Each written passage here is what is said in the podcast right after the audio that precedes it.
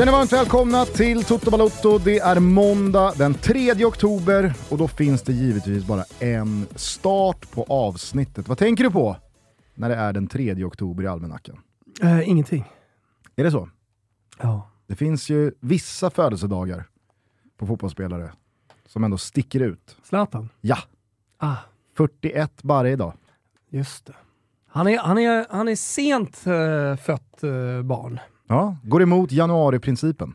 Går emot uh, januariprincipen. Eh, jag vet inte om den liksom gäller lika mycket längre, om man har bättre koll. Eh, Jag har ju en gång läst alla de där böckerna med Malcolm Gladwell, eh, om det tjeckiska systemet där man liksom bröt upp det. Problemet är att Alltså, har, har du ett datum, då utgår du från det datumet. Då, då är det, om du bryter upp det så att året börjar i augusti istället, mer eller mindre. Ja, men då kommer du få augustibarn som är bra. Känslan är ju att du eh, övertygade Helena om att jobba för ett januaribarn. Ja, men, Det fanns en period där. Mm. Ja, men när jag hade haft, precis, precis. Ja, men jag har inte prickat rätt det helt, men med Florens sista så är det ändå 10 februari. Får man ju säga tidigt. Ja, du har hopp. Ja, hopp. Jag hopp. Men eh, vad, vad, vad känner du annars? Är status Zlatan i ditt bröst? Ja, men, Visst är det ett märkligt vakuum? Ja, det är ett märkligt va- vakuum. Det är väl det första, första gången egentligen sedan eh, Zlatan började spela fotboll som det, det är ett sånt vakuum. Alltså, jag har känt av en tystnad tidigare. Eh, och eh, att man har fått någon konstig frånvaro som inte heller har varit speciellt känslostark. Eh, man, man har liksom inte brytt sig, Zlatan borta. Eh, men så har han alltid dykt upp på olika sätt. Du kommer ihåg inför eh, mästerskapet där när han höll på med Samsung och eh, ringde Janne och ja, men det var mycket grejer. Som ändå gjorde att han fanns i bruset på något sätt. Men, men den här också att, gången eh, är det ju liksom, han var borta. Ja, och jag tänker också att det som eh, var... han dött. Ja, men det, som, det som var en liknande skadekonvalescens senast, alltså efter den svåra knäskadan i Manchester United efter Europa League, var det, var det mot Anderlecht? Det kanske det var. Eh, då, då var det en sån tydlig skada, jag tänker ibland på det där att det, det är så viktigt för alltså, fotbollsspelares eh, Ja, men det, är, det är för fotbollsspelare, kan jag ibland tänka, viktigt att det finns en renhet och en tydlighet i skadan. Alltså, hans skada mot eh, Anderlecht, om vi nu utgår från att det var Anderlecht, det var i alla fall Europa League där. Eh, den, den omgärdades ju såklart av väldigt mycket rökridåer och eh, tystnad och ingen ville riktigt säga vad det var inifrån Zlatans innersta krets. Men du kunde ju själv med dina ögon se att aj, aj, aj, det där är ett knä som kommer få kämpa för att komma tillbaka. Den här skadan, det var ju någonting annat. Alltså så här, han hoppade in och han var ganska kall och han missade nästa match och sen så spelade han 30 minuter mot eh, Spezia och sen så var det något inhopp mot Bologna och sen så var det två matcher off och sen så var han ändå med när den där scudetton vanns och han firade med cigarren och, och champagnen och allting. Och sen kom den här filmen menar han tömmer sitt knä då på någon gul jävla slaggjuice, vidrigt såklart. Ja, och, och så skrev han att det här, det här gör jag typ varje dag. Ja, det här har jag gjort varannan dag i sju månader. Ja. Och så börjar man tänka, ah, ja okej. ja.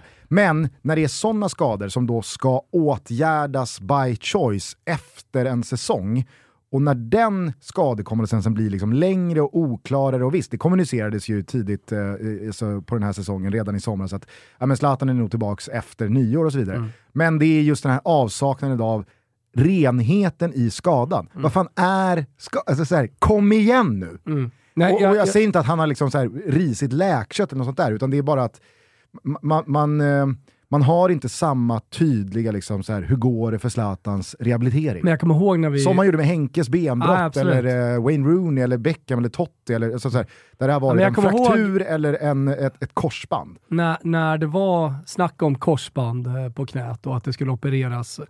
Och eh, folk började hylla honom, jag tror vi hyllade honom också i slutet på säsongen. Fan, han har spelat en hel, ett, ett helt halvår, en halv säsong, så har han spelat utan korsband.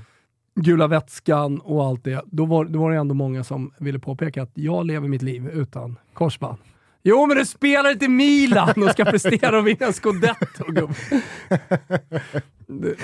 Ja, nej, man får ju ge upp innebandyn bara. Man får ge upp innebandyn på torsdags när, eftermiddagar När folk hemma liksom bara ser det där, man, ser hur, man, man, förstår ju hur glada de blir. Att va? Zlatan också idrottat utan eh, korsband. Det har jag gjort. För du vet ju, idag så kan du ju faktiskt eh, få eh, rekommendationen kanske att eh, inte operera korsbandet. Det är väl också många att, eh, som, alltså, det är så långa köer, att ah, ja, nej, efter ett tag så är det, det här funkar. Mm. Fan ska jag lägga mig under kniven för re, köra? Rehabilitering för en fotbollsspelare att komma tillbaka på 7-8 månader. Jag menar, är du, är du vanlig svenne som spelar division 4-fotboll eller inte ens det, Ska du, ska du göra rehabilitering, det kommer inte ta 6-7 månader. Du, du har inte en fysiostab runt dig när, när, när, du, när, du, när du sätter dig där nere på gymmet och, och lägger upp vikterna på 5 kilo Nej, och börjar böja benet. Så att, eh, ja, det är klart det finns en viss skillnad, men det var ändå mäktigt att han gjorde hela det halvåret. Verkligen, eh, och det är ju mäktigt att han eh, verkar ju vara fast besluten om att ta sig tillbaka Absolut. till ett Milan, gå för ännu en ligatitel, men också uppmana sina lagkamrater att ta honom vidare i Champions League till nästa år, alltså andra sidan nyårsafton. Och det får man ju säga går ju Milan in i ett ruskigt slagläge för att göra här nu med eh, dubbla möten mot Chelsea. Alltså tar, tar Milan två poäng, alltså undviker man förlust, eller en seger, då, då, då ska man ju lösa avancemanget. Mm. Eh, skulle man åka på dubbla torskar här mot Potter Chelsea, ja, då är det ju lite mer öppet eh, i, i det där racet, absolut. Det enda, det enda man är rädd för det är eventuella bakslag. Alltså när han kommer tillbaka och börjar spela gruppträning, alltså första månaden, alltså kommer tillbaka i, i, i riktigt spel, där kommer man vara lite rädd. Men tror att det kommer vara tror... ganska många Milan-spelare som är passiva i duellerna med Zlatan på Milanello. Det är jag ganska säker på. Och sen så kommer det komma ut en film när någon inte är passiv. Mm. Någon av junisarna som ja. går in lite för tufft. Nej, det är Sälemäckers. Sälemäckers. Kan inte hålla sig. Nej, Ska han in. ligger i Navigli-floden i, i Milano sen efter. Tog Sälemäkers vägen? Jag vet, det var tyst kring honom där direkt efter det där hände med Zlatan. Han skadade det. Ja, mm. Men eh, du kan ju tänka dig själv era Champions League-sändningar när åttondelsfinalerna ska börja och eh, Zlatan är tillbaka i Milan. Mm. Det är klart det kommer vara mäktiga scener alldeles oavsett vilka han möter. Och man vet ju redan nu att det blir ett X-lag och att det blir Golden i så fall. Ja, men eh, som sagt, jag avvaktar det här dubbelmötet mot Chelsea för att jag tycker att eh, Salzburg går lite obehagligt starkt där eh, bredvid. Ska, eh, du kommer ihåg vad vi sa sist? Alltså tar Salzburg nu parallellt med det här dubbelmötet Chelsea-Milan, mm. sex pinnar mot Dinamo Zagreb, mm. vilket de absolut kan göra. Hej. Alltså... Ja, men självklart, eh, de, de, de blir jättegiftiga. Vi pratade ju, för er som har lyssnat på det, jag vet att alla inte har gjort det, men vi pratade ju en hel 45 om Salzburg, Liefering och hela det projektet och hur intressant det är eh, hur de får upp talanger hela tiden och lyckas gå från, eh, lyckas ta talangerna från U till A på ett så smidigt sätt så att det funkar hela vägen upp till Champions League. Så är det, det blir en jävla spännande tredje runda. Vi drar igång eh, Champions League-studion imorgon tisdag 20.00. Mm. Samma tid gäller på onsdag. Eh, det är Telia och Simon som gäller. Aj, Har man inget simon abonnemang så är det hög då? tid att skaffa sig det. Ja. Skaffar man sig ett Premium Plus, då får man alltså all fotboll från Champions League, La Liga, Serie A och även slutspurten i Superettan och Allsvenskan. Det är inte jättespännande i Superettan. Det är matchboll BP imorgon. Öster borta. Väl anledning nog att bara jo, skaffa jo. abonnemang för att få se när de smashar ju... in eh, matchbollen och se Matti Goll och Engelen eh, kliva ut och, och jubla. Fan, har, du, eh, har du noterat eh, Christer Mattiassons eh, hårfärg? Ja. Vem försöker Den han lura? Den är lite för rödlätt. liksom. Vem försöker han lura? Ja. Inte mig i alla fall. Nej, eh, nej men eh, det, det, är ju inte jättespännande, men likväl väldigt roligt att eh, både BP och Halmstad gör det bra i Superettan. Betydligt mer spännande i Allsvenskan får man säga. Vilket jävla guldrace det är. Ingen ja. vill vinna. Nej, ingen vill vinna. Vi är där igen. Alltså, vad, vad händer om Gnaget tar en trea igår? Är de alltså, med i guldracet då? Jo, men det, det, alltså, de har Djurgården kvar. Ja, det, måste vara, det måste vara den enda högsta ligan i Europa där vi i den, tredje, alltså i den sista tredjedelen kommer från en omgång där inget av de sex bäst, inget av de sju bäst placerade lagen vinner. Ja. Malmö vann inte, Bayern vann inte, Göteborg AIK vann inte. Idag. Ah, Okej, okay. ah, ja, men fem, topp fem då. Inget okay. av topp fem-lagen vinner i en sån här omgång. Alltså det, det, det är den 24 omgången av 30. Ja.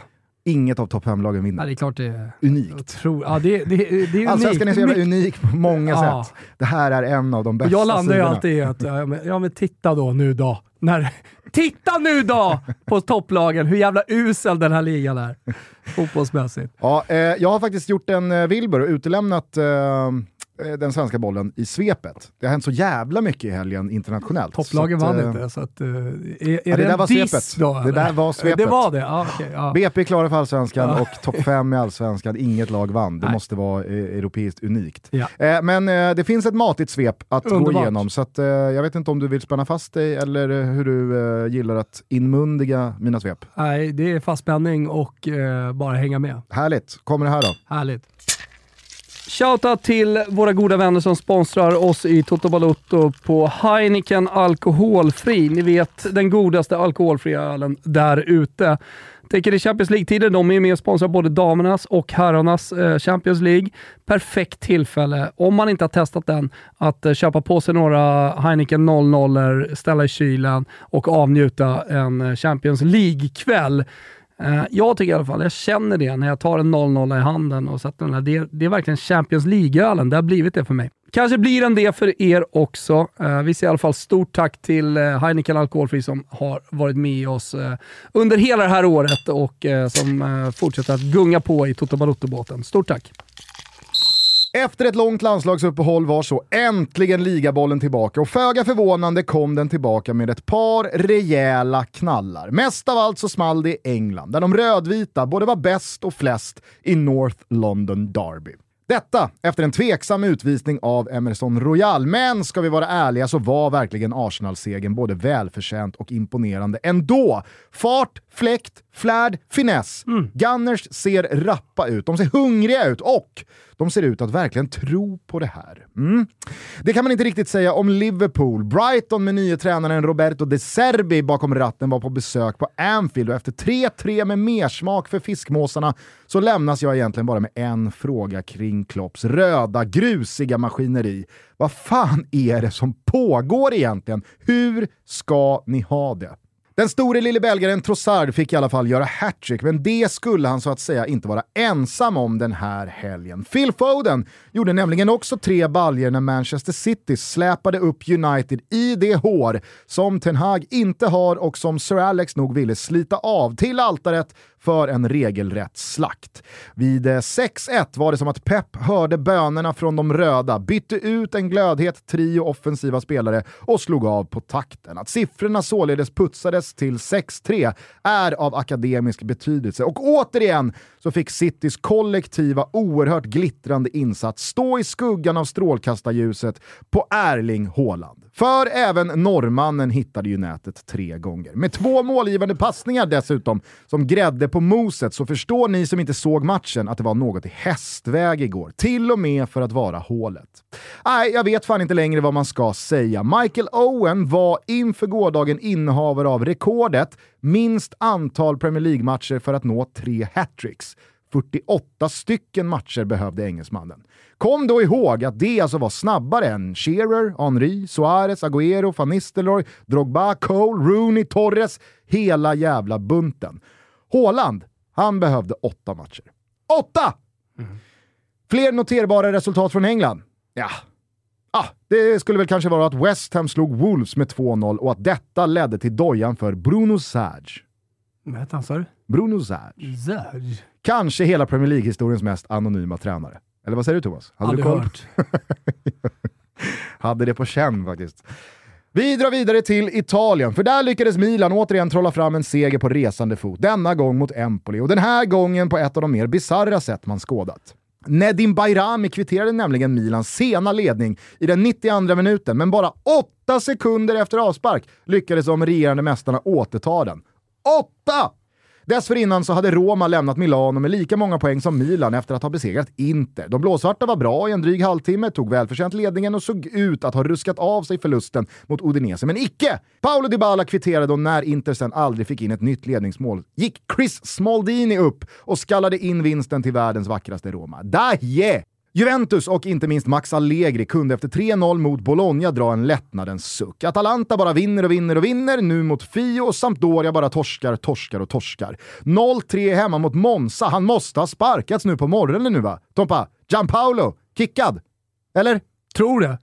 Han ska alltid sparkas, det är någonting man vet om honom. Han ser så fruktansvärt sparkad ut, Ja, Gianpaolo. Ja, ja, men uh, du kommer ihåg Påsar under ögonen och eh, sådär, grus. Det Brescia. Vi återkommer till det. Ah, ja, vi får väl se om Gianpaolo är kvar på posten när svepet är avslutat. Vi eh, drar vidare mot eh, Rom, för där eh, hänger nämligen Lazio kvar uppe på Champions League-plats efter en enkel seger mot Spezia. Och Napoli toppar efter fjärde raka. Halloween-tröjorna var på, André Frank Zambo Anguissa var på, Quaradona var på, helvete vad det är på i Napoli. I Spanien så tappade regerande mästarna Real Madrid sina första två poäng för säsongen och man gjorde det lite oväntat nog hemma mot Osasuna. Kaki Benzema var tillbaka efter skada och fick en gyllene chans att skjuta vinsten till vitt, men straffen med kvarten kvar gick i ribban och nu är det helt lika poängmässigt med Barca i toppen. Kul! Detta efter att Lewandowski plockat fram en påse från den allra högsta hyllan och katalanerna lämnat Mallis med 1-0. Athletic Club har verkligen fått fart under Ernesto Valverde, ni minns gamla Barca-tränaren som fick kicken trots att hans lag ledde La Liga. Efter eh, sju spelade matcher har nu baskerna 16 poäng och vet du? Jag har sett nog. Jag sticker ut hakan. Jag säger att Athletic Club tar fjärdeplatsen. Kul! Vamos muchachos! Vamos! Celta slog Betis, ingen Svedberg heller den här gången. Sörlott frälste Real Sociedad borta mot Girona och Atletico Madrid borta slog på ett tungt och jävla solitt sätt Sevilla med 2-0. Kocke firade 554 tävlingsmatcher för Atleti, flest någonsin. Och nu hänger han mot repen igen, den gode Julen Lopetegi. Eller är han kickad nu på morgonen? Har du koll Wilbur? Kollar. Slå en kik. Jag tänkte att vi skulle avsluta svepet med några roliga serieledningar där ute. I eh, Holland till exempel så toppar AZ tabellen efter åtta omgångar. Jesper Karlsson har fått säsongsinledningen spolierad av skador, men i lördags var han tillbaka när Groningen besegrades med 4-1 och givetvis gjorde han mål direkt. Också kul att svenske Michael Lado, som lämnade Bayern i somras, också han gjorde sitt första ligamål för de rödvita. Inget nytt under solen vad gäller Bundesliga. Urs Fischers jävla monstergäng från Unionen i Berlin toppar trots torsk, men i Belgien och men där har Gugge sniffat fram att Mark van Bommel studsat tillbaka efter fiaskosessionen i Wolfsburg. Han leder numera Antwerpen och tappade faktiskt sina första poäng för säsongen i helgen. Men jag gillar när det gnuggas på i det tysta. Mark van Bommel, han ger sig inte i första taget. Jag tycker också att vi kan bjuda lyssnarna på att André Pierre Big Mac Gignac still going strong borta i Mexiko och i sitt kära Tigres. Två påsar igår när Atletico San Luis besegrades. Trea i skytteligan är han och jag känner mer och mer och mer att jag verkligen, verkligen, verkligen vill byta liv med honom. Nej men fan vilket roligt eh, svep. Eh, Kan vi bara få in där att Maria Sole eh, gjorde debut i Italien. Just det, hon hade ett eh, lite längre namn än så va? Eh, det är Maria Sole som eh, hon eh, beskrivs som. Okej, ja, jag vet bara att när eh, Vicky Blomé, min eh, Maria älskade... Sole Ferreiri Caputi eller Ja, någonting så. Ja, jo, men Maria Sole säger alla. Okej, ja. Folkmun, Maria Sole. Jag säger bara att Sol-Maria. när Vicky Blomé uppmärksammade mig på detta, alltså att Serie A fått sin första kvinnliga huvuddomare, Mm. eh, så var det en jävla massa namn som rabblades i Ferreri lördagskväll. då. Caputi heter hon också, men eh, Maria Sole säger, säger, säger de alla fall. Så, eh, och gjorde det tydligen bra här i Hon dömde Sassuolo mot eh, Salernitana igår. Tämligen Eh, enkel match att döma 5-0 Sassarna va? Fick 6,5 i Gazettan. Mm. Och eh, det känns väldigt fräscht i ett Italien som eh, på många andra sätt Behöver just nu symboliska... känns väldigt ofräscht. Exakt. De behöver, de behöver liksom sy symboliska handlingar höll jag på att säga, men den här typen av symbolik blir väldigt starkt. För att efter matchen pratar man om att eh, det var respekt från supportrarna till exempel. De har ju valt den här matchen lite med omsorg också. Sassuolo hemma är väl den mest, den, enklaste så att säga hemmapubliken att ta eh, som, eh, som domare. Botox Cosmetic, botulinum toxin A, FDA approved for over 20 years. So, talk to your specialist to see if Botox Cosmetic is right for you. For full prescribing information, including boxed warning, visit BotoxCosmetic.com or call 877-351-0300. Remember to ask for Botox Cosmetic by name. To see for yourself and learn more, visit BotoxCosmetic.com. That's BotoxCosmetic.com. Är det väl? Så det, Eh, de, de, de är ganska svala liksom på, på hatet, eh, vilket är bra. Men du, rätta mig om jag har fel. Tess Olofsson, du vet eh, Sveriges bästa eh, Ja. kvinnliga domare. Ja. Eh, hon har väl ännu inte fått eh, huvuduppdrag i en allsvensk match, utan bara i Superettan va? Eh, inte allsvenska. Jag, alltså, hon kan ju ha varit fjärdedomare, Ja, men, men, precis, jag pratar om. Ja, ja, och, det, och det var det jag sa. Nej, jag exakt, tror inte exakt. Tess Olofsson Nej. ännu har fått eh, döma en allsvensk match, utan Nej. bara Superettan. Således så känns det ju faktiskt ganska pissigt Mm. att Italien, detta misogyna, bakåtsträvande, medeltida jävla land, I många, I många avseenden. avseenden så är det ju så. Inte alla. alltså är före Sverige. Detta progressiva, Mm. i framkant, jämställt, feministiska land. Alltså är före oss Men jag- med men en jag- kvinnlig men- domare men det, det i skulle vår högsta kunna liga för vara män. så enkelt eh, att det inte finns så många kvinnliga domare överhuvudtaget. Alltså, för du, du, du måste ju fortfarande klara de där jävla 40 metrarna på 6 sekunder, åtta gånger i rad. Och du ska springa 70-20 och allt vad det är. Jag menar bara att det finns alltså först måste du gå alla utbildningar. Och, och jag vet inte hur många kvinnliga domare som har gjort det i Sverige. Och sen ska, Jag- du, jag ska du klara att testa det. Jag säger bara att det är viktigt. Uppenbarligen så var Italien före Sverige Absolut. med en kvinnlig Ja, ja. huvuddomare. Ja, ja, ja. Dessutom i en 70 miljoner betydligt, invånare också. ja, men dessutom i en betydligt högre rankad liga.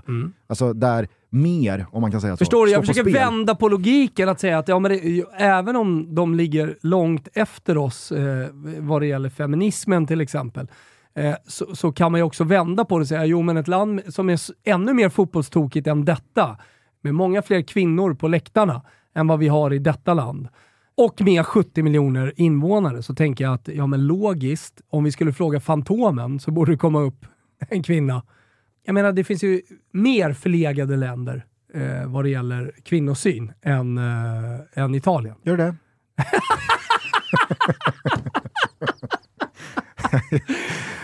Qatar. Alltså, ja, nej visst. Ja. Jag, jag, jag, jag ger dig rätt. Men det är inte 150 länder där framför. Nej, det kanske inte. Nej. Vamos Tess i alla fall. Från Livorno, eh, jag är glad. Livorno är en otroligt fin stad Ja. och eh, eh, gått på universitetet i Florens och Livorno, Florens, tajta band, allt det där. Jag undrar om de får döma Fiorentina. De är ju väldigt tydliga med sånt i Italien, väldigt noggranna med sånt.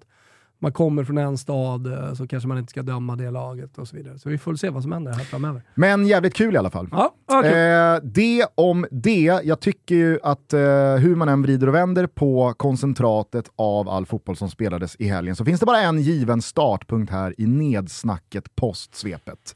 Och det är ju såklart eh, Manchester-derbyt. Mm, exakt. Jag, jag tänkte på Håland, eh, men vi kan ta hela derbyt. Mm. hänger ju ihop, så att säga. Det hänger ganska mycket ihop. Vad, vad, vad tänkte du? Vad kände du? Vad, vad, liksom, vad satt du och fokuserade på igår min- eftermiddag när bollarna började Ja. trilla in bakom de Gea? Men jag, jag är en god vän, eh, pappa till en eh, tjej i Stellas lag som är norrman och vi pratar med varandra varje dag. Och han, han, var, han kan ju ingenting såklart om, om fotbollen som han är norrman. Utan det är, det är långrännor och, och hytte och allt vad det är. Spiss. Ja, spiss. Men eh, han var ju på mig tidigt där någonstans i, när vi gjorde Toto Ballon och han uppmärksammade någonting på våra sociala medier om det här. Och så, så sa han, men vadå, det blir väl Haaland som vinner? Och då sa jag, nej men det är inte riktigt så det funkar. Jag försökte förklara, men han är svår att förklara saker för. Så, eh, så eh, då skrev han det direkt efter det här hattricket, att ja, men nu blir det ju eh, Ballon d'Or. Och sa han, nej men det, det är tyvärr för sent. för att Ballon d'Or 20, alltså det här året, det är, redan, eh, det är väl redan bestämt va? Det kommer inte ut någon jävla lista i alla fall. Ja, alltså det, det, Ja. det, det finns en 20. Ja, det finns en 20. Mm. Precis. Eh, Och, och från den 20 tror jag... Avgörs i oktober. Ja, precis. 17 tror jag. Exakt. Torsdag kommer vår.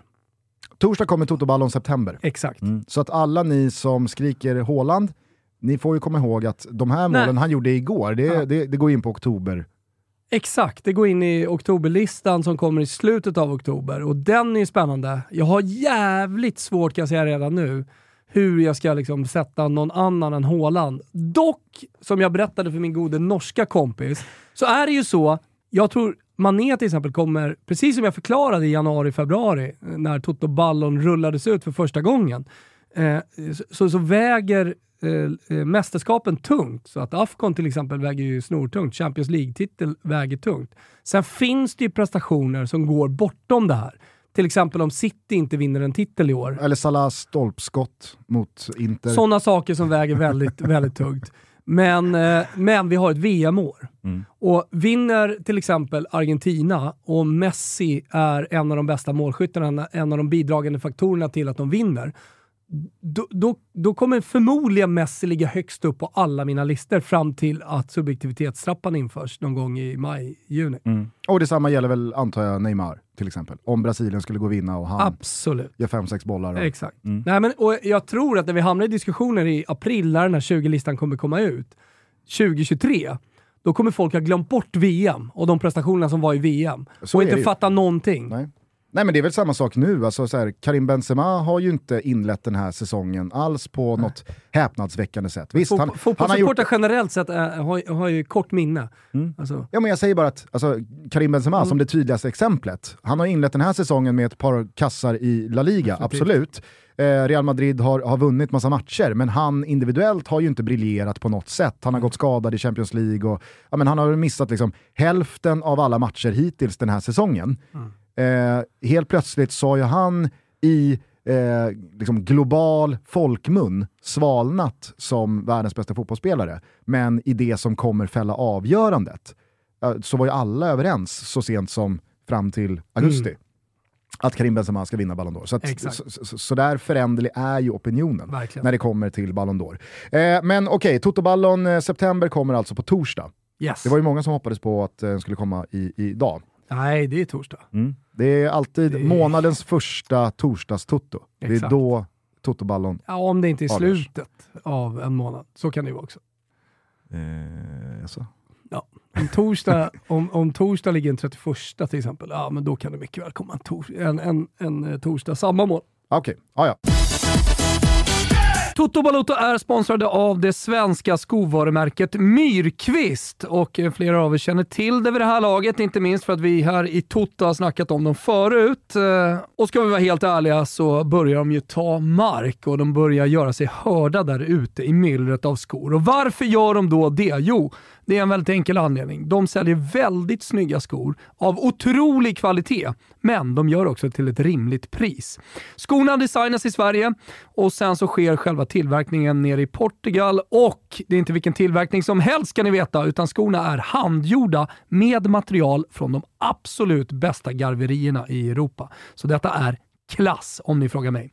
Och nu är hösten här och man kanske också har insett att det är dags att skaffa ett par nya dojor. Så istället för att köpa ett par halvdana skor som kanske bara håller ett år, så tycker vi att ni ska satsa på kvalitutta. Och då är det givetvis Myrkvist som gäller. De har sneakers, trainers, även bälten, strumpor och andra accessoarer, men just nu så är det väl boots som gäller. Så låt mig då slå ett slag för Myrkvist Abisko. Jag har ett par mörkbruna, jag är sugen på ett par svarta också för att jag älskar verkligen den här skon. Du kan använda den på hösten, du kan ha den på vintern med en extra sula så blir du varm och du kan ha den hela vägen in i maj egentligen, det klimatet vi har. Så Myrkvist Abisko är min favorit, den rekommenderar jag varmt. Ni gör ju såklart själva som ni vill. Ni går in på myrkvist.se, ni gör det nu och ni använder koden TOTO22, TOTO22, då får man 200 kronor rabatt när man köper ett par skor. Detta är exklusivt för Toto Balotto, så passa verkligen på. Ni som bor i Stockholm kan också gå in i butiken i Moodgallerian eh, och säga Toto22 så vet de vad som gäller. Koden gäller till den 9 oktober. Go, go, go! Vi säger stort tack till Myrkvist. Toto Balotto sponsras av Sambla, ni vet låneförmedlaren som inte bara jämför upp till 40 olika långivare helt kostnadsfritt, utan som även kan hjälpa dig att sänka dina lånekostnader genom att samla de olika lånen och göra dem till ett. Man ansöker lika tryggt som enkelt på sambla.se och jag tycker att det kan vara värt att en gång för alla understryka att det alltså är helt kostnadsfritt. Så har du några gamla lån och då tänker jag att man kanske haft ett kreditkort som man inte riktigt blir av med. Man kanske har tagit ett bilån som man inte riktigt blir av med. Och sen så kanske det är tre, fyra, fem andra grejer och så kommer den där jäkla posten en gång per månad. Man tycker att det är så jobbigt. Äh, men då finns Sambla för dig. Gå in på sambla.se, ansök tryggt och säkert och helt kostnadsfritt så hjälper alltså Sambla dig att samla alla lån och göra dem till ett. Ett brev varje månad. Det är mycket, mycket härligare. Och med bästa möjliga villkor såklart för just dig. Det finns hjälp. Ta den, gå in på sambla.se. Vi säger stort tack! Eh, vi siktar på torsdag i alla fall för Totoballon september. Klart det här med datumet. Tillbaka till Manchester-derbyt. Eh, Yes. Den här eh, pappan då till eh, flickan i Stellas lag, Ja. eh, Norrbaggen, Ja. han verkar ju i alla fall eh, liksom, vara en tidstypisk norsk fotbollsintresserad herre. Eftersom, alltså så här, jag fattar att man svävar iväg kring Haaland, men jag läste i morse någonstans bara rubriken han är Norges största idrottare genom tiderna. Oj. Och jag säger, inte, alltså så här, jag säger inte att det är speciellt konstigt att man svävar Klart iväg. Björn Dählie blir äpplet rasande. Ja. Eller är det så enkelt att det, Alltså här Alltså, ska ju VG ringa upp eh, Björn Dählie. eller Om- Northug, Ja, men jag tror Northug är så stor fotbollssupporter så han skulle nog nästan skriva under på det. Däremot känns ju Dählie känns ju mer bitter, Alltså, han, så- känns, han känns mer Wassberg, han, han känns framförallt mycket mer eh, rullar, äpplet. micken, rullar micken eller kameran så är det väl klart att Northug fattar att jag, jag, jag gainas av att eh, hålla, hålla med om det. Northug När, är- mic- när micken stängs skön. av så, så fnyser han ju bara åt det där. Det är, jag vet inte fan, han stod där uh, i, liksom längst fram i klacken på Friends Arena med n- norska vikingahorn och gormade. Jag vill nog säga att uh, Northug tycker att Haaland är större Jo, redan. Min första spontana magkänsla var att så här, nej, men de kan inte dra den växeln. De kan inte dra den växeln redan. Sen så landade jag lite och tänkte, eller har de en så otroligt fattig och skral idrottshistoria att han faktiskt kanske är vad den de, största idrottaren någonsin. Alltså de har ju ingen Björn Borg, de har ingen eh, Ingemar Stenmark eller... Alltså, så här, de får ju uppleva det som vi liksom har levt med i, i hela vår historia. Att vi har varit bra på andra sporter än längdskidor. ja. Och, och, eller vintersporterna kanske man då eh, ska dra med i och med att de, De har på liksom- senare har- år har blivit bra även på, även på utförs. De har väl. Espen Knutsen på eh, frimärke? Eh, schampo? Snackar de om? Par bra säsonger i diffen. Par bra säsonger i diffen. Det är Frimärke?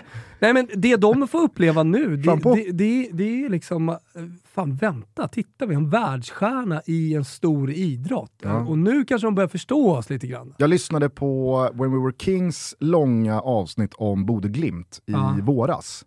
Eh, och då vet jag att jag tänkte samma sak när Niva då slog fast att Arild Berg måste väl ändå vara norsk fotbolls största genom tiderna. Och jag stod där och vad jag nu höll på med och bara Arild Arild Berg. Sa vi, hmm. Berg, Berg, Berg, Berg, Berg, Berg, Arild, Arild Berg. Nej. Det är tomt. Inte en susning hade jag kring Arild Berg. Så, att, alltså så här, kanske. Ja. Jag vet inte om det är för stora ord. Eller det kanske är helt eh, perfekt passande skor för Haaland nu att kliva i att ja, jag är Norges största idrottare genom alla tider. Mm. Ja, men eh, då har ju knappt börjat. Jag såg att det slogs fast igår också att han eh, slogs fast, men var det Niva som skrev nu, ändå inne på honom, eh, att eh, han nog också tror att det låter också helt sjukt att eh, ta de eh, orden eh, i sin mun, att han redan den största idrottaren genom eh, tiderna i Norge. Jag tror nog att man ska vänta lite, men också eh, när det pratas om att han ska göra 50 mål den här säsongen och att det nästan är rimligt att börja tänka. Han är alltså nio mål ifrån fjolårssäsongens skytteligaseger, 23. Ja, Och då har han 30 matcher kvar. ja. Och han gör det i Premier League. Mm. Det, och det har ju blivit det här man har pratat om med Manchester City. Alltså, men vänta tills de får in en riktigt bra nia. Helvete vad bra det kan bli då. Ja, men du kommer ihåg vad jag sa om Kane Och så eh, trodde för man ett inte på drygt det. år sedan? Ja. när eh, vi eh, då utgick från att han var klar. Mm. Sen så slutade det ju inte så.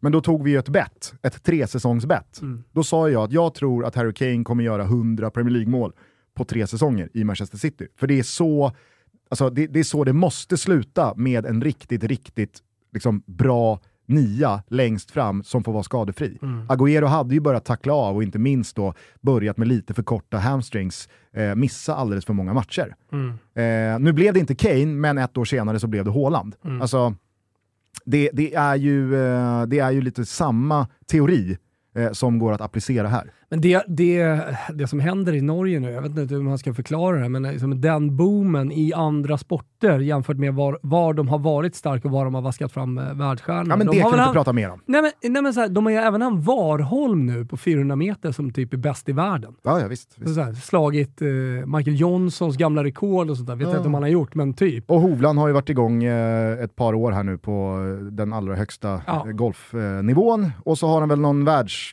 tvåa, trea i tennis. De är det nya Sverige. Kasper Rud pratar de om. Ja. Ja, otroligt bra också. Eh, skitsamma, tillbaks till Håland. Eh, Niva sa 50, jag kommer ihåg för några veckor sedan när eh, utrikeskorrespondent Dani Larsson var med i Fotbollslördag Europa och vi pratade om Håland efter ännu ett hattrick. Han har gjort tre raka hattrick här nu i Citys senaste tre hemmamatcher. Eh, då frågade jag honom, så här, men vad är rimligt att tro att han faktiskt slutar på för liksom, eh, målskörd eh, den här säsongen? För att ingenting tyder ju på att det här är liksom, varenda skada skott emot. går in och det är stolpe in och oj, utan det känns ju snarare som att den här målskörden hittills Rimligt. är ett fullt Mm. rimligt utfall av Citys spel, kollektiva dominans, Var det inte målchanserna som skapas han och hans lite? fysiska överlägsenhet. Jo, men alltså, han går ju mållös hemma mot Bournemouth. Ja, alltså, det, Folk börjar gnugga sina händer lite. Jo, ja men verkligen. Eh, så, så att, och, och, då, då så, alltså, halvt på skämt, men också halvt på allvar, så sa ju Danne att så här, nej men han kommer nog vara närmare 100 mål än 50 mål. Om han, alltså så här, om han fortsätter i den här takten och får vara skadefri. Och hur liksom Vänta, bisarrt- när ska han vara närmare 100, må- 100 när, vi, mål? när, vi, när vi eh, summerar säsongen. Totalt över hela säsongen så ska han göra 76 mål. Ja. Wow. Håll, ja, men så här, Ja. håll, håller han det här Ja, snittet, ja, vilket du och jag precis var Champions- överens om att så här, Alltså det är inklu inklusive landslag eller? Exakt. Alla, alla, alla tävlingar som man säger. Han har väl med sina mål här i Norge. Tutte Eh, competizioni. ja, nej men, han är uppe på eh, 16 mål nu, den här säsongen. Okej, ja, nej, jag vet inte. På 10 matcher. Ja. Det är bara gånga själv. Mm. Alltså på, på, om man gör 16 på 10, då gör man 80 på 50. Wow. Det, Matematiken. nej men det, det är Ja, ja. liksom, eh, det, det, det är ju skrattretande Mm. Att tänka i de banorna. Och det är väl klart att jag fattar också att det kommer komma en svacka, det kommer komma perioder där bollarna går lite stolpe ut och det kommer säkert komma också någon muskelskada som han har haft eh, ett par gånger eh, för mycket i, i Dortmund också. Satan vad koll de har på hans muskler i, i City känns Det som. tror jag Så- också. Så Dortmund jätteproffsiga, storstab, allt det där. Men det är ingenting jämfört med City. Nej, och när på året har Haaland hittills liksom haft lite strul? November, december, januari. Det, är tror då, det, är då det, det är då det har kärvat. Vad väntar för Haaland nu, november, december? VM. VM som inte ska spelas, utan det är sex veckor av liksom fysisk optimering. Ja, ja, men hans fysiska optimering, den är också, eh, en, eftersom han är så ung, handlar ju väldigt mycket om att vila. Alltså, han kommer inte tappa så mycket menar jag. Han, han behöver gå ut och jogga en mil om dagen Nej. utan att tappa och, och komma tillbaka och vara i dunderslag. Mm. Och så ska han då, när Premier League rullar igång igen på Boxing Day, efter VM, ja, då ska han möta Är ganska det många... boxing day de börjar på? Jag tror det. Det är fan otroligt med tanke på att typ VM-finalen är den 21 eller något sånt va? Eh, December. Ja, precis.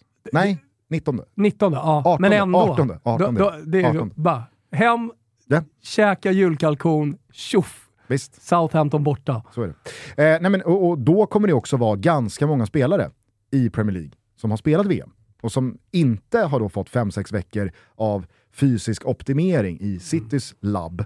Så att nej, det, det, Ja. det, det Ja, ja. är någonting i hästväg. Eh, jag noterade också att han blev den trettonde spelaren i eh, L'Equipes historia att eh, föräras med en tia. Oj, Och det säger ju också ganska mycket om insatsen igår. en tia alltså. Då ska vi se vad Gazettan ger. Mm. Det är chans att de ger honom en tia. Eh, nia. Hade faktiskt kunnat bjussa på en 9,5. Ja, det hade de faktiskt kunnat gjort alltså, men de var så jävla försiktiga med 9,5 och 10.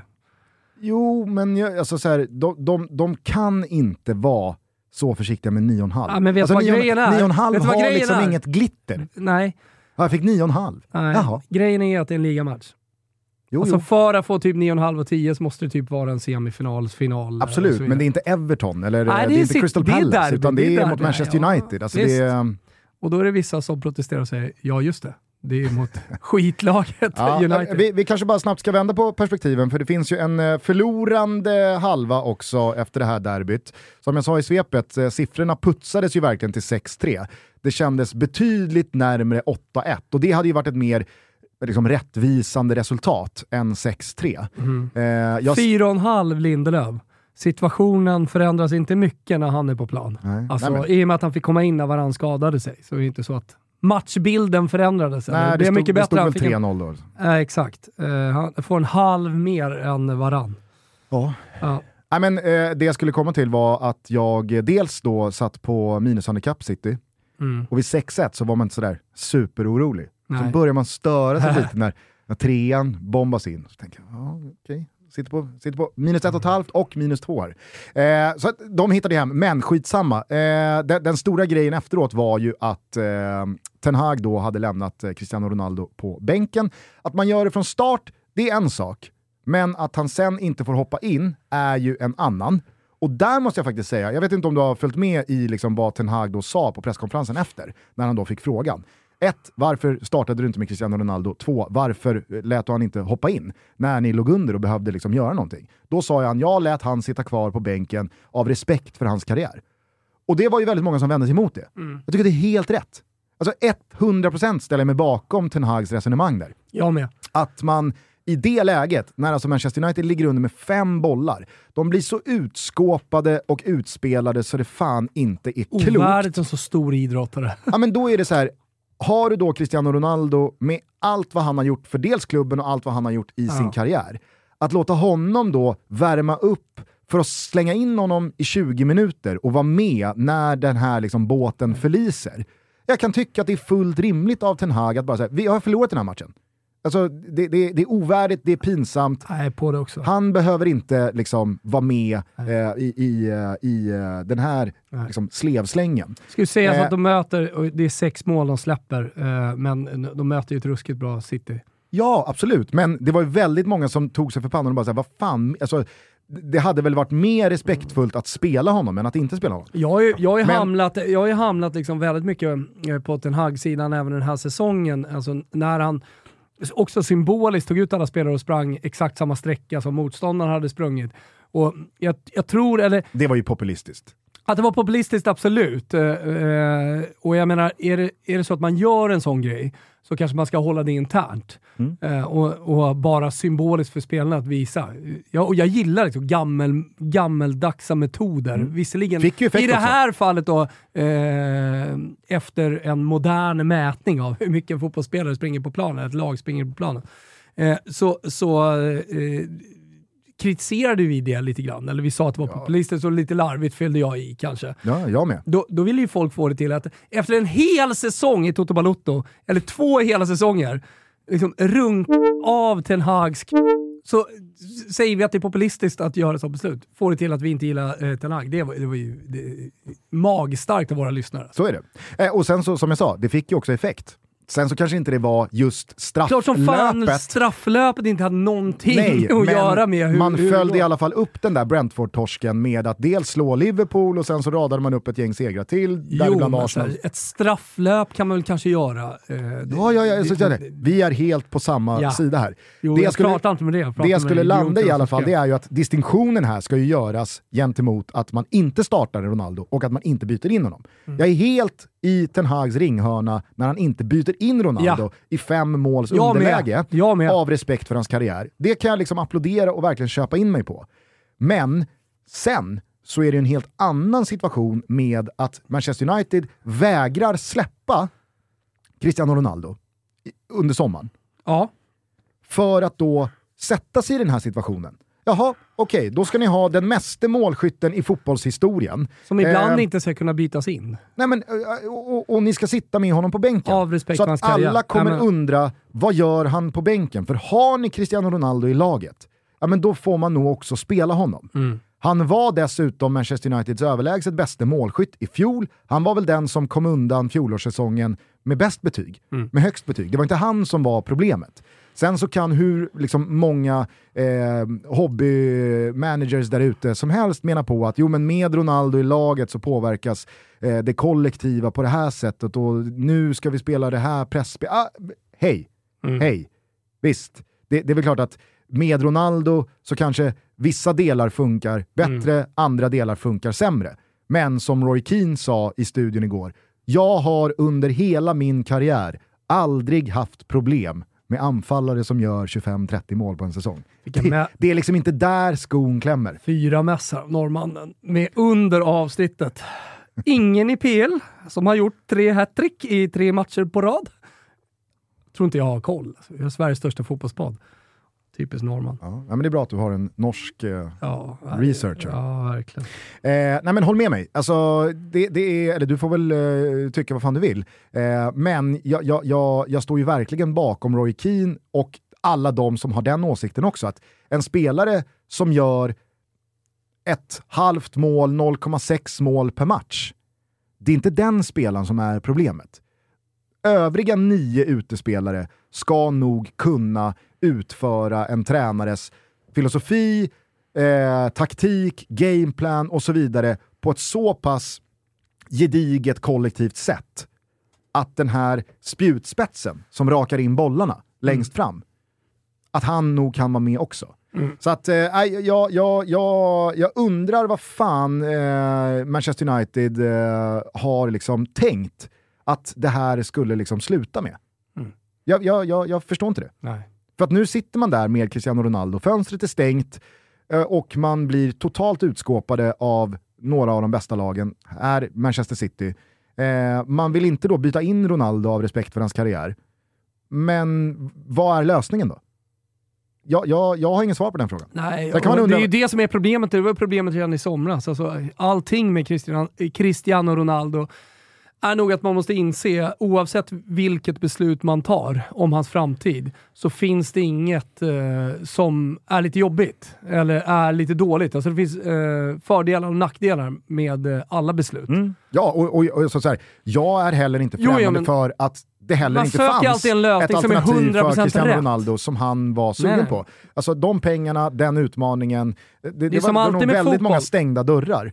Som Men Manchester United måste ju, alltså de måste ju Jo, liksom... men det är som alltid med fotboll, du vet ju inte förrän du har tagit beslutet och sen så har det gått en viss tid innan du vet om du har tagit rätt beslut eller inte. Och det är ju det är så med Ronaldo, skulle vi kunna konstatera nu att det var fel.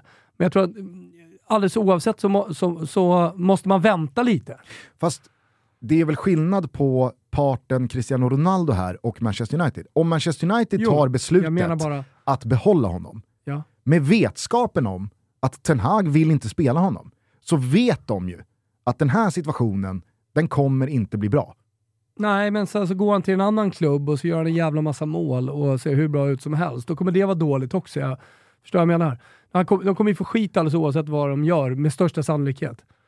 Ja, ja, ja visst, alltså så här, jag, jag förstår. Nej men problemet Det är ju... Nej, men så här, liksom jag, jag, menar bara, hand, jo, men- jag menar bara att eh, det, det finns en ekonomisk situation också. Alltså ska de ge bort honom till en annan klubb eftersom ingen var beredd att betala? Ska de betala del, del av hans lön? Och så liksom springer, springer han i en annan Champions League-klubb, eh, Napoli eller vad det nu är, eh, och får lön av Manchester United. Hade det varit bättre? Nu spelar ju inte Manchester United i den turneringen, så att Nej. det är ingen konkurrent. En annan Champions League-klubb var ju faktiskt fel uttryckt, men du förstår vad jag menar. Jag försöker bara eh, liksom, återigen zooma ut lite och säga att ingenting kommer bli 100% rätt vad det gäller Cristiano Ronaldo. Och det hade inte blivit 100% rätt heller i somras. Kanske med facit i hand så hade det varit bäst att bara släppa honom.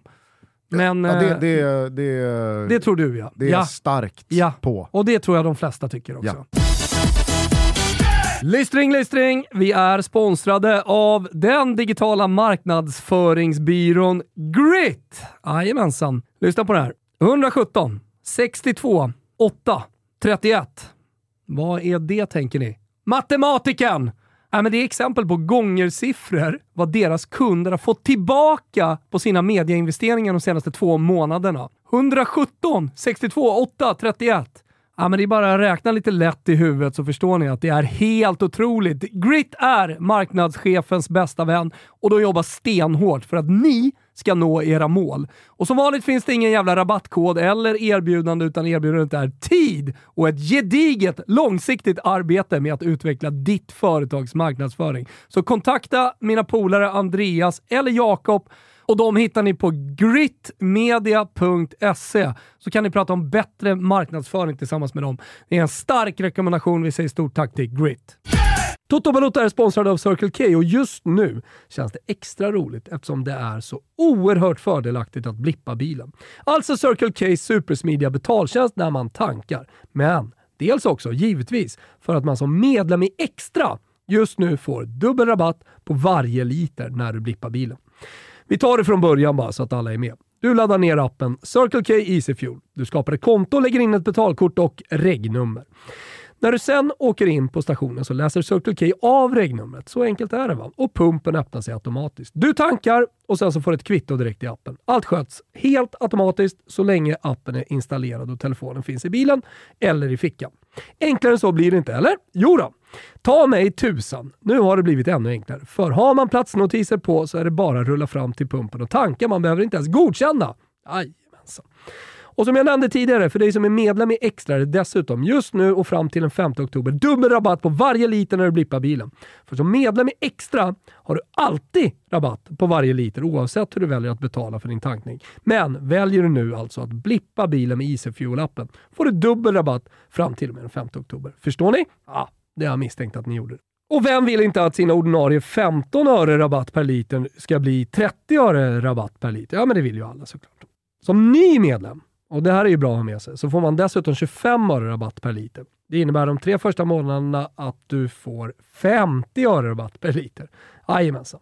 Så är du inte medlem i Extra, ja, då är det läge att bli det idag. Gå in på circlek.se blippa-bilen. Vi säger stort tack för att ni är med och möjliggör Toto Balotto.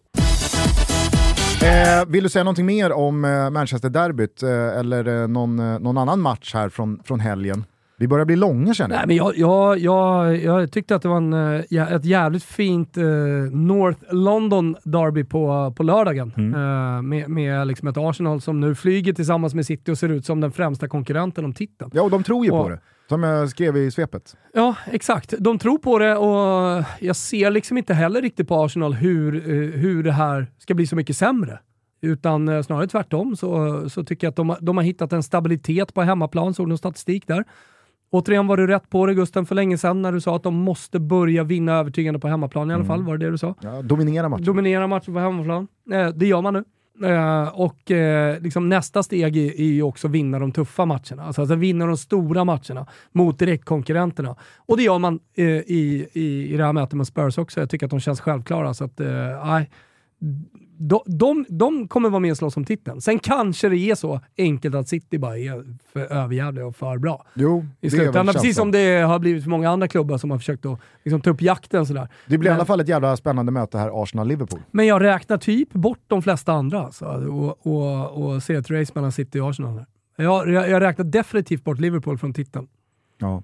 Ah, som, jag, som jag frågade eh, i, i, För mycket i som svepet här, även fast det var liksom en retorisk ja. sådan, så jag, jag, jag blev lite provocerad av Liverpools insats mot Brighton. Mm. För att, att gå på så många miner, ha en hel del skador återigen, eh, vara ur gängerna och en del spelare underpresterar, Salah, van Dijk, Trent eh, kanske främst. Eh, att ha den här diskussionen om mittfältet och vi är så känsliga för att sakna Thiago och så klarar man sig ändå undan med några sena eh, poängräddningar eller vinster.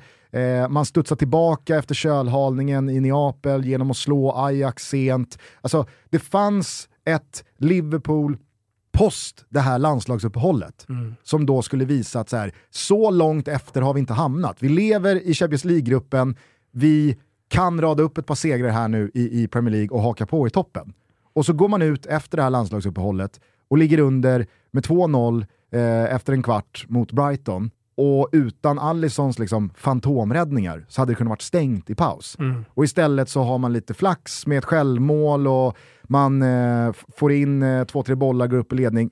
Och, och, där och då så har man ju en ny chans då att så här, okej, okay, vi löste 0-2 till 3-2, nu stänger vi igen den här butiken och så börjar vi den här fasen av säsongen med ännu en trea. Att då släppa in Brighton i matchen igen, förvisso då med Kauru Mitoma, inhopparen som man gnuggar, mm. gjorde sina första poäng. Vad tycker du? Ja, jo, men det, det är fortfarande det, det, är ingen, det är ingen spelare som är inne och dominerar och har sig. Ja, och när han väl får spela så gör han ju det. Jo, men han gör inte det. Ja, ja, det alltså, nu hoppar han in borta mot Liverpool och gör skillnad. Så okay. De Serbi, alltså perfekt. Med De Serbi, ja, Perfekt att han gör det första matchen med De Serbi. Ja, jag ehm, fattar.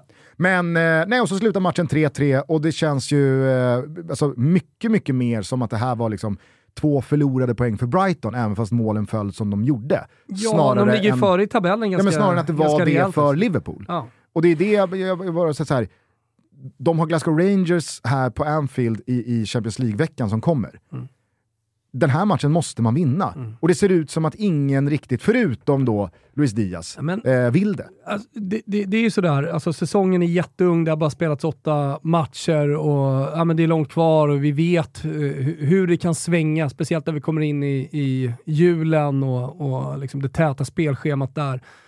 Men, men det är så pass många poäng, 10 och 11 upp till Arsenal och City, att, och de är så pass bra, känns så pass stabila, så man, man förstår inte riktigt hur de ska lösa det. Så det är till och med så att en, då, då, City har råd med en Haaland-skada eh, och, och, kommer lösa det ändå, för att de är så pass bra. Mm. Och kan spela med falska nior och Gündogan i den positionen och, och sådär. Så att, ja, jag, jag, ser inte riktigt hur, hur det ska hända. Det, vi, vi har ett, en, ett januarifönster Julian också. Alvarez. Ja, exakt. Julian Alvarez har du.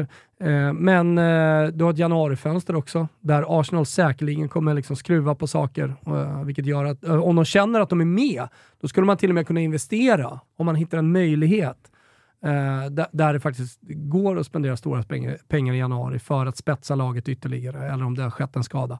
Så eh, nej, jag, jag ser inte hur de ska ta, ta igen det här, utan de får snarare fokusera på att försöka ta sig upp till eh, Champions League-plats. Och jag menar, dit är det inte speciellt långt och det borde de kunna greja. Men, men eh, titeldrömmarna den här säsongen, det är bara att glömma. Ja, det är nog så. Eh, jag tycker vi eh, lämnar England. Eh, kort, Ska vi ta oss till Italien eller vill du prata någonting om du sa det helt bra i nej, men Du sa det helt bra i svepet tycker jag. Eh, eh, många saker, men så att Juventus studsar tillbaka här är ju mot en svag motståndare. Och eh, Jag tycker inte att det ser jättebra, så övertygande ut, men det är ett Juventus som är spända. Det, det märker man. Var det när... inte märkligt lite folk på läktaren? Jo, men, men de har mycket så corporate-biljetter och ja, men de är dyra biljetterna till, till Juventus-matcher. Det är Premier League-priser i Turin för att gå på uh, Juventus. Uh, så det, det, det, det, är en helt egen podd, höll jag på att säga. Liksom, problemet de har haft där. Och Deppig podd. Ja, men, ja, men den skulle ju också kunna då, eh, domineras av eh, eh, bråken mellan Agnelli Drogi, alltså deras ultrasupportrar, eh, som har pågått under många år och han har stängt dem ute, när de är på väg tillbaka. Och, ja, men, det är det jag menar bara, det är inte bara, eh, problemet är inte bara att de har dyra biljetter, utan eh, det, det, det finns även andra andra delar. Eh, men jag håller med dig, det är klart att det är deppigt att se en italiensk fotbollsarena som inte är full på en kvällsmatch. Alltså när strålkastarljuset drar igång, då, då vill, vill man att det ska vara liksom full patte på grejerna. Mm. På tal om det, såg du eh, att eventuellt eh, ska, liksom, att man ska justera spelschemat nu efter att elpriserna har gått upp i hela Europa? Nej, det såg jag inte. Däremot så har jag bara följt det här hemma i Sverige kring hockeyn framförallt. Okej, okay, ja, men man pratar ju nu i Europa alltså, eh, i, typ på Uefa-nivå, men i de olika ligaförbunden så, om att strypa kvällsmatcherna när när det krävs eh, eh, strålkastarljus. Okay. Och istället eh, då köra ja, men typ två lunchmatcher, fler 15.00 matcher. Så man slipper använda elljuset. Jag vet bara att snacket nere på Tegeluddsvägen här, där TV4 har sitt säte och Simor. Det går ju åt lite el där. Det var, det var någon, eh, någon vecka Botox Cosmetic, out of botulinum toxin A, FDA approved for over 20 years. So, talk to your specialist to see if Botox Cosmetic is right for you. For full prescribing information, including boxed warning, visit BotoxCosmetic.com or call 877-351-0300. Remember to ask for Botox Cosmetic by name. To see for yourself and learn more, visit BotoxCosmetic.com. That's BotoxCosmetic.com. För två veckor sedan så, så var också snacket att vissa hockeyallsvenska matcher är så här, ni kan inte köra någon studio för att vi kommer släcka ner hallen i periodpauserna. Otroligt. Kör med ficklampa. pannlampa, på, pannlampa i studion. Stryper elen. Ja, jag kan förstå det samtidigt. Helvete. Det är, det är tuffa tider. Så är det verkligen. Eh, nej men, eh, jag, jag, tycker också att man återigen måste understryka Milans jävla sätt att vinna fotbollsmatcher.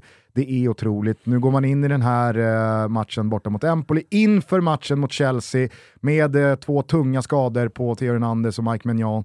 Eh, man får ytterligare två skador i första halvlek. Eh, Calabria och Calabria kommer från en fin period återigen här. Precis, eh, och så är det liksom ett, ett Milan som på pappret... Status Giroud okej okay, eller? Ja, det är det väl. Ja, jag läste något om att han också har känning. Nej, men så tappar man in då 1-1 på tilläggstid, men åtta sekunder efter avspark så lyckas man trycka in eh, en, en, en segerboll ändå, och sen mm. så springer Rafael Leao in eh, 3-1. Och man vinner och man eh, trollar fram eh, ytterligare tre poäng och hakar på i den där toppen. Alltså det, är, jag vet inte, det, det är så sjukt många gånger för mycket för att det ska vara liksom, flax och tur och slump. Mm. Men det är ändå den känslan man lämnas med, i alla fall jag. Eh, så att, äh, det, det, tycker jag var kul att, att se. Eh, sen så tar ju Roma en eh, blytung seger borta mot Inter. Och det snackas väl nu om att eh, Simone Inzaghi, han har två matcher på sig att eh, bevisa sig. Han fick ju förtroende direkt efter matchen. Mm. Och, och jag, jag, läste också vissa experter som tyckte att det här var Inters bästa match i, i, under den här säsongen.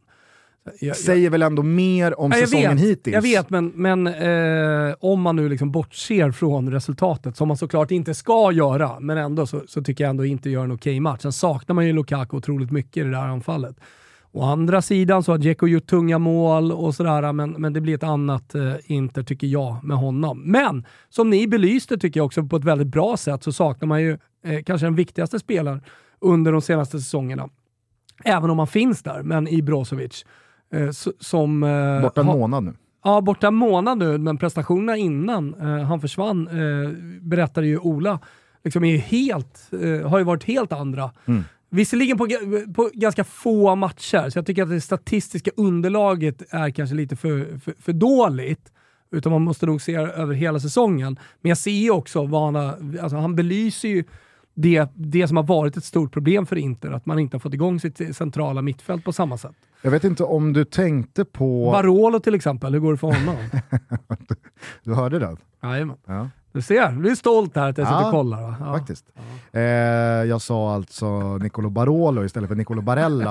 Eh, när vi Jävla igenom... vinsugen alltså. ja, eh, när vi gick igenom målen då från senaste matchen mot Udinese.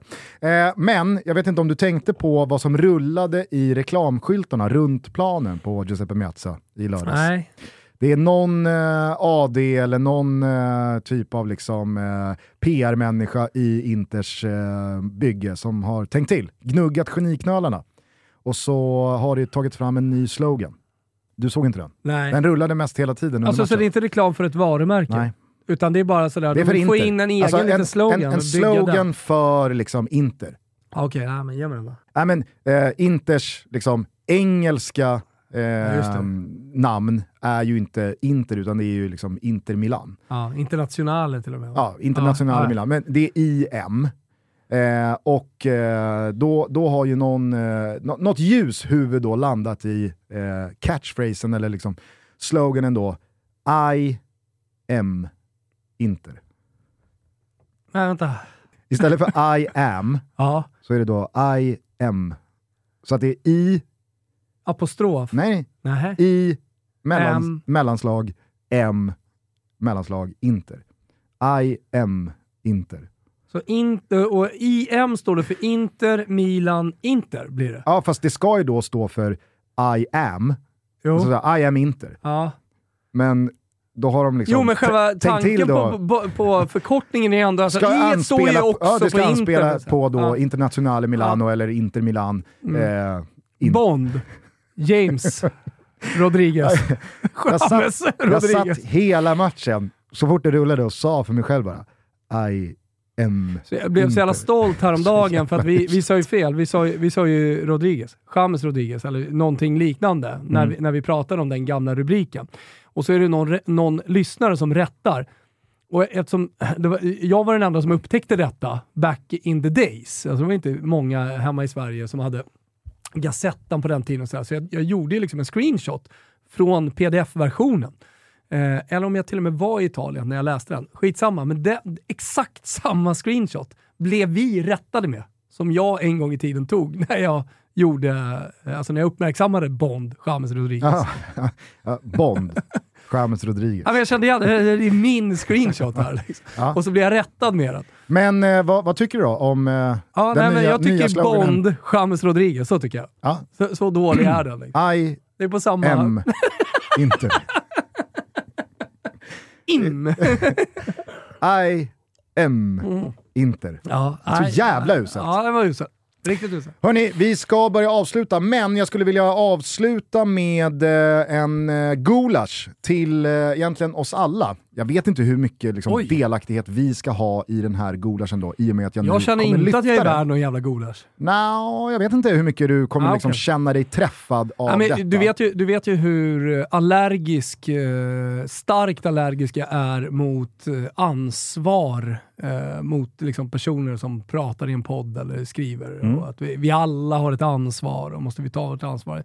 Jag känner att jag inte har något ansvar. Alltså jag, har ing, jag, är, jag, jag ligger lägst ner av alla i den här branschen på den etisk-moraliska skalan redan innan vi ens har börjat mäta. Absolut, och jag tror inte jag försöker ringa in någon ansvarsfråga här. Ah, okay. ja, jag men känner jag vet bara inte vad det är. Jag du bara kan- du kan- direkt Du kanske utåt. kommer känna dig träffad. Okej. Eh, men det här är i alla fall en gulasch till då, det finns en logik såklart vad gäller närhetsprinciper i då nyheter. Det fattar jag också. Någonting som sker i Sverige i mindre skala är en större nyhet än någonting som sker i större skala i Georgien, eller i Portugal, eller i Indonesien. Botswana. Alltså, så är det ju. Eh, men när det kommer till då fotbollsvärlden så har jag lättare att tycka att det är närmre var än i världen man landar eftersom det handlar om fotboll och Ja. det på något sätt är liksom lika intressant i många avseenden eh, än någonting annat. Som eh, Hazel och Java, det är liksom på samma nivå lite grann. Ja, men det var dit jag skulle komma, för att i helgen då så har ju en av de värsta läktarkatastroferna någonsin, vad gäller i alla fall dödsantal, inträffat då i Java i Indonesien. Eh, men det känns som att det har fått lika mycket uppmärksamhet som Ja, men, ett, om- ett omdiskuterat varmål. Okej, ja, men jag vet att jag i samband med detta i alla fall eh, hade på ganska mycket nyheter. Mm. eh, Och främst då från din kanal, eh, TV4. Och där pratades det jättemycket om det. Mm, jo, alltså Så- så, här, så- så här, det är jag, jag, jag, jag, säger- alltså så här, jag, jag, jag försöker nog inte basta eh, de stora nyhetskanalerna. Eh, men det jag försöker basta är ju gemene mans liksom, ja, men, eh, förmåga, eller kanske i det här fallet då oförmåga, att faktiskt plocka upp. Bry sig. det- Ja, bry sig och plocka upp vad fan det är som har hänt. Ja. Jag tror att det är väldigt många som hör det här som undrar, va? Ja. Va, va, va alltså, det här har jag inte hört någonting om. Nej. Eller jag, jag vet inte. Nej, det var mycket- Låt oss... Alltså så här, jag fattar såklart också att jag, jag twittrade inte heller om det här igår, utan jag twittrade om att ja, men det är, eh, där Haaland jag, gjorde det är hattrick. därför mina, det är därför mina taggar är utåt. Alltså just ansvaret att, äh, äh, att uppmärksamma äh, saker på Twitter till exempel. Det, det, det tror jag vi, vi, vi ska vara försiktiga Absolut. med. där. Jag säger bara att jag, jag, jag har förståelse för att Du väldigt många strutar här. tenderar att twittra om Haalands hattrick mot Manchester United i ett derby, snarare än att twittra någonting jag, om det här. jag, jag, jag fattar att fotbollsvärlden stannar upp när eh, Christian Eriksen ramlar ihop, Mm. eller det, det, det sker någonting på en läktare. Eh, till exempel här hemma eller någon annanstans. Eh, för att det, det, det är närmare och det är vår fotboll och sådär. Men när man inte ser någonting i sina flöden igår, det är det du menar. Ja, Mer eller mindre. Eh, för jag tänk- fotbollsvärldens, jag vet inte, känga till fotbollsvärlden, men var det tysta minuter runt om? Det var väldigt många tysta minuter när, när drottningen hade dött till exempel. Jag tycker att eh, den här katastrofen, i och med att det dessutom har med de viktigaste personerna inom fotbollen att göra, det vill säga supporterna, barn, eh, kvinnor och män som, eh, som dör under en fotbollsmatch och det ska ju såklart inte få hända. Eh, att det, det är anledning till en tyst minut och kanske att fotbollen ska stanna upp en dag i respekt till de drabbade. skulle förvåna mig oerhört mycket ifall det här på något sätt uppmärksammas i morgondagen och onsdagens Champions League. Champions League. Mm. Med någon typ av tyst Ja, minut då, eller sorgband alltså, eller vad det nu är. drottningen skiter jag fullständigt i, ursäkta. Eh, alltså det, det är klart att det, det, det, finns en respekt till de som faktiskt är ledsna. Eh, jag kan, det måste man alltid ha respekt för någon som eh, vanlig person som blir ledsen för att drottningen har eh, gått bort och gråter. Alltså så här, visst, du, du får ha det, men, men, men, jag tycker inte att äh, fotbollen ska bry sig nämnvärt om det. Jag tänker i alla fall att jag bara ska läsa lite Detta från dock. en artikel i Göteborgs-Posten här som uppdaterades eh, i morse. Så att eh, de som lyssnar på det här eh, i alla fall har, koll på vad som eh, har skett. Eh, och då tänker jag bara att liksom, så här, det också kan vara värt att påminna, inte för att så här, relativisera eller på något sätt förminska Hillsborough typ, men i Hillsborough-katastrofen så dog väl till slut 97, alltså det var ju länge 96, men till slut så dog ju eh, ytterligare en person av sviterna efter eh, det. Så det, det, var 97 personer. Eh, det kan man ha med sig in då i... Finns väl en eh, dokumentär, 97? Ja, det kanske det gör. Ja, jag tror det.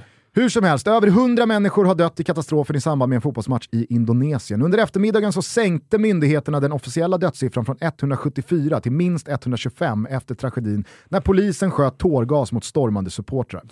Dödssiffran efter lördagens fotbollsmöte i Malang på östra Java i Indonesien uppgavs under söndagsmorgonen till 174 människor enligt myndigheter. Under eftermiddagen så kom dock nya uppgifter som talade om 125 döda. Enligt viceguvernören på östra Java, Emil Dardak, skrev dödstalet ned eftersom att vissa personer registrerats dubbelt.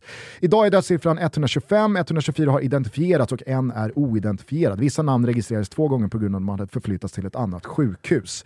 Klart är att händelsen är en av de dödligaste idrottstragedierna på mycket länge. Flera av de döda är barn och över 180 personer ska ha skadats. För flera av dem bedöms tillståndet vara kritiskt.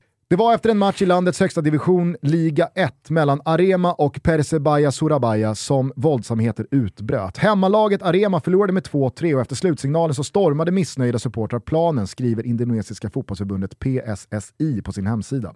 Omkring 3000 av de totalt 42 000 åskådarna på plats ska ha gett sig ner på gräset. Även personer utanför arenan tog sig in. Polisen svarade då med att skjuta tårgas för att försöka skingra skarorna, vilket i sin tur ska ha fått många supportrar att svimma och drabbas av andningsproblem, enligt indonesiska nyhetsbyrån Antara. Filmer inifrån arenan visar hur människor försöker ta sig ut från arenan där den tunga tårgasröken lagt sig som ett täcke över delar av läktaren. Det var så skrämmande, så chockerande säger 22-åriga Sam Gilang som var på plats. Tumultet inne på arenan skapade panik och många av offren trampades eller kvävdes till döds. Enligt polisen användes tårgasen för att lugna folkmassorna som polisen ansåg äventyra säkerheten. Inget hände, det var inget upplopp. Jag vet inte vad problemet var, men från ingenstans så började de skjuta tårgas. Det var det som chockade mig. Tänkte de inte på kvinnor och barn? frågade sig 43-årige Doni som befann sig inne på arenan. Enligt den indonesiska journalisten Ramat Idris bidrog polisens insatser till katastrofens omfattning. För att skingra folkmassorna så använde polisen sig av tårgas, men det förvärrade bara situationen och man kan anta att det var det som orsakade den panikartade flykten. Folk ville ta sig ut från stadion och undvika den smärtsamma tårgasen, säger han till SVT Sport. På filmer syns hur döda och skadade radas upp i utrymmen under läktarna, många av dem blåa i ansiktet av syrebrist. Under söndagen så pågår fortfarande arbetet med att identifiera alla offer. Oroligheterna fortsatte sedan utanför arenorna där upprörda supportrar drabbade samman med polis. Flera polisfordon sattes i brand och enligt polisen ska även två poliser ha dött.